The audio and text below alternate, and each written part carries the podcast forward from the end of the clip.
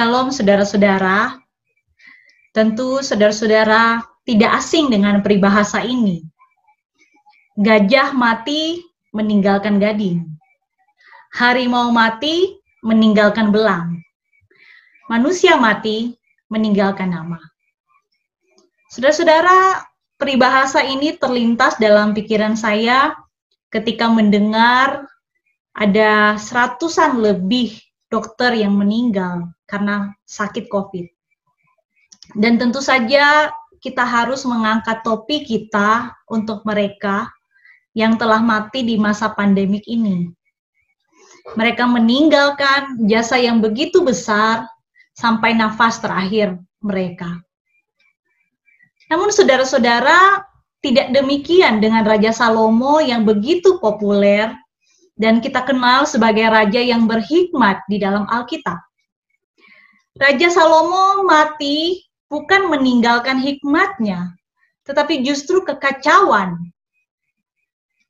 Satu Raja-Raja pasal 11 sampai 12 menjelaskan kepada kita bagaimana kerajaan Israel yang begitu kokoh pada mulanya, begitu kuat, akhirnya terkoyak dan pecah menjadi dua kerajaan. Raja Salomo juga mati tidak hanya meninggalkan warisan harta benda tahta kerajaan Israel kepada anaknya Raja Rehabeam, tetapi ada satu warisan yang menyedihkan, yaitu kekerasan. Raja Salomo yang berhikmat itu kemudian menjadi narsis.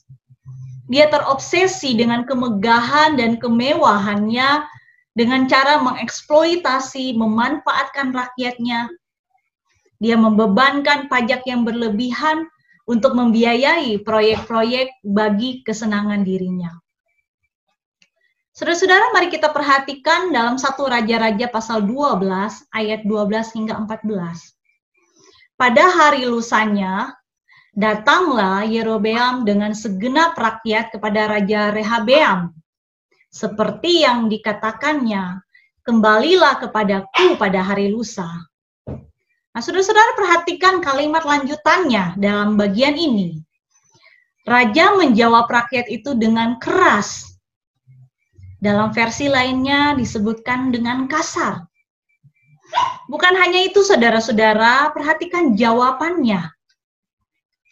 Ayahku telah memberatkan tanggungan kamu tetapi aku akan menambah tanggunganmu. Ayahku telah menghajar kamu dengan cambuk, tetapi aku akan menghajar kamu dengan cambuk berduri besi. Saudara-saudara yang hari ini mempunyai peran sebagai orang tua, warisan apakah yang akan saudara-saudara wariskan? Saya yakin bahwa saudara-saudara sekarang ini berusaha bekerja sekeras-kerasnya, rela mengecangkan ikat pinggangnya, menabung untuk warisan berupa uang, harta benda, atau usaha. Bahkan ada juga yang mungkin memikirkan warisan pendidikan bagi anak-anak. Itu baik sekali, saudara-saudara. Apa pun usaha saudara-saudara, usahakanlah untuk tidak menjadi pewaris hutang. Bahkan menjadi pewaris kekerasan yang juga mungkin bisa meninggalkan luka batin yang dalam kepada anak-anak. Usahakanlah untuk menjadi pewaris hidup yang takut akan Tuhan.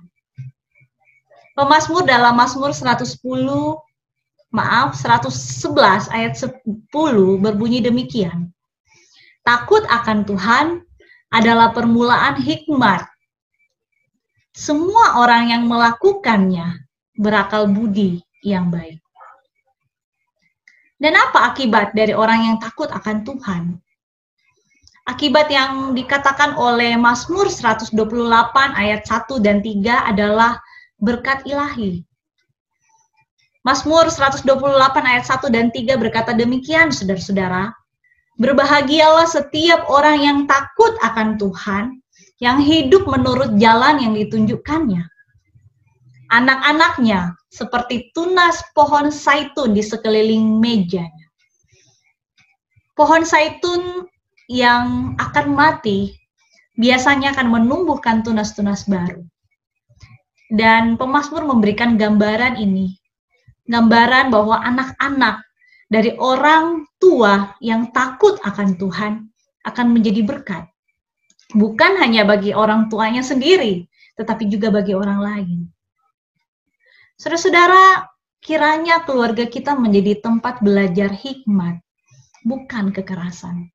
Menjadi tempat belajar kasih, bukan tempat merasakan sakit dan luka batin.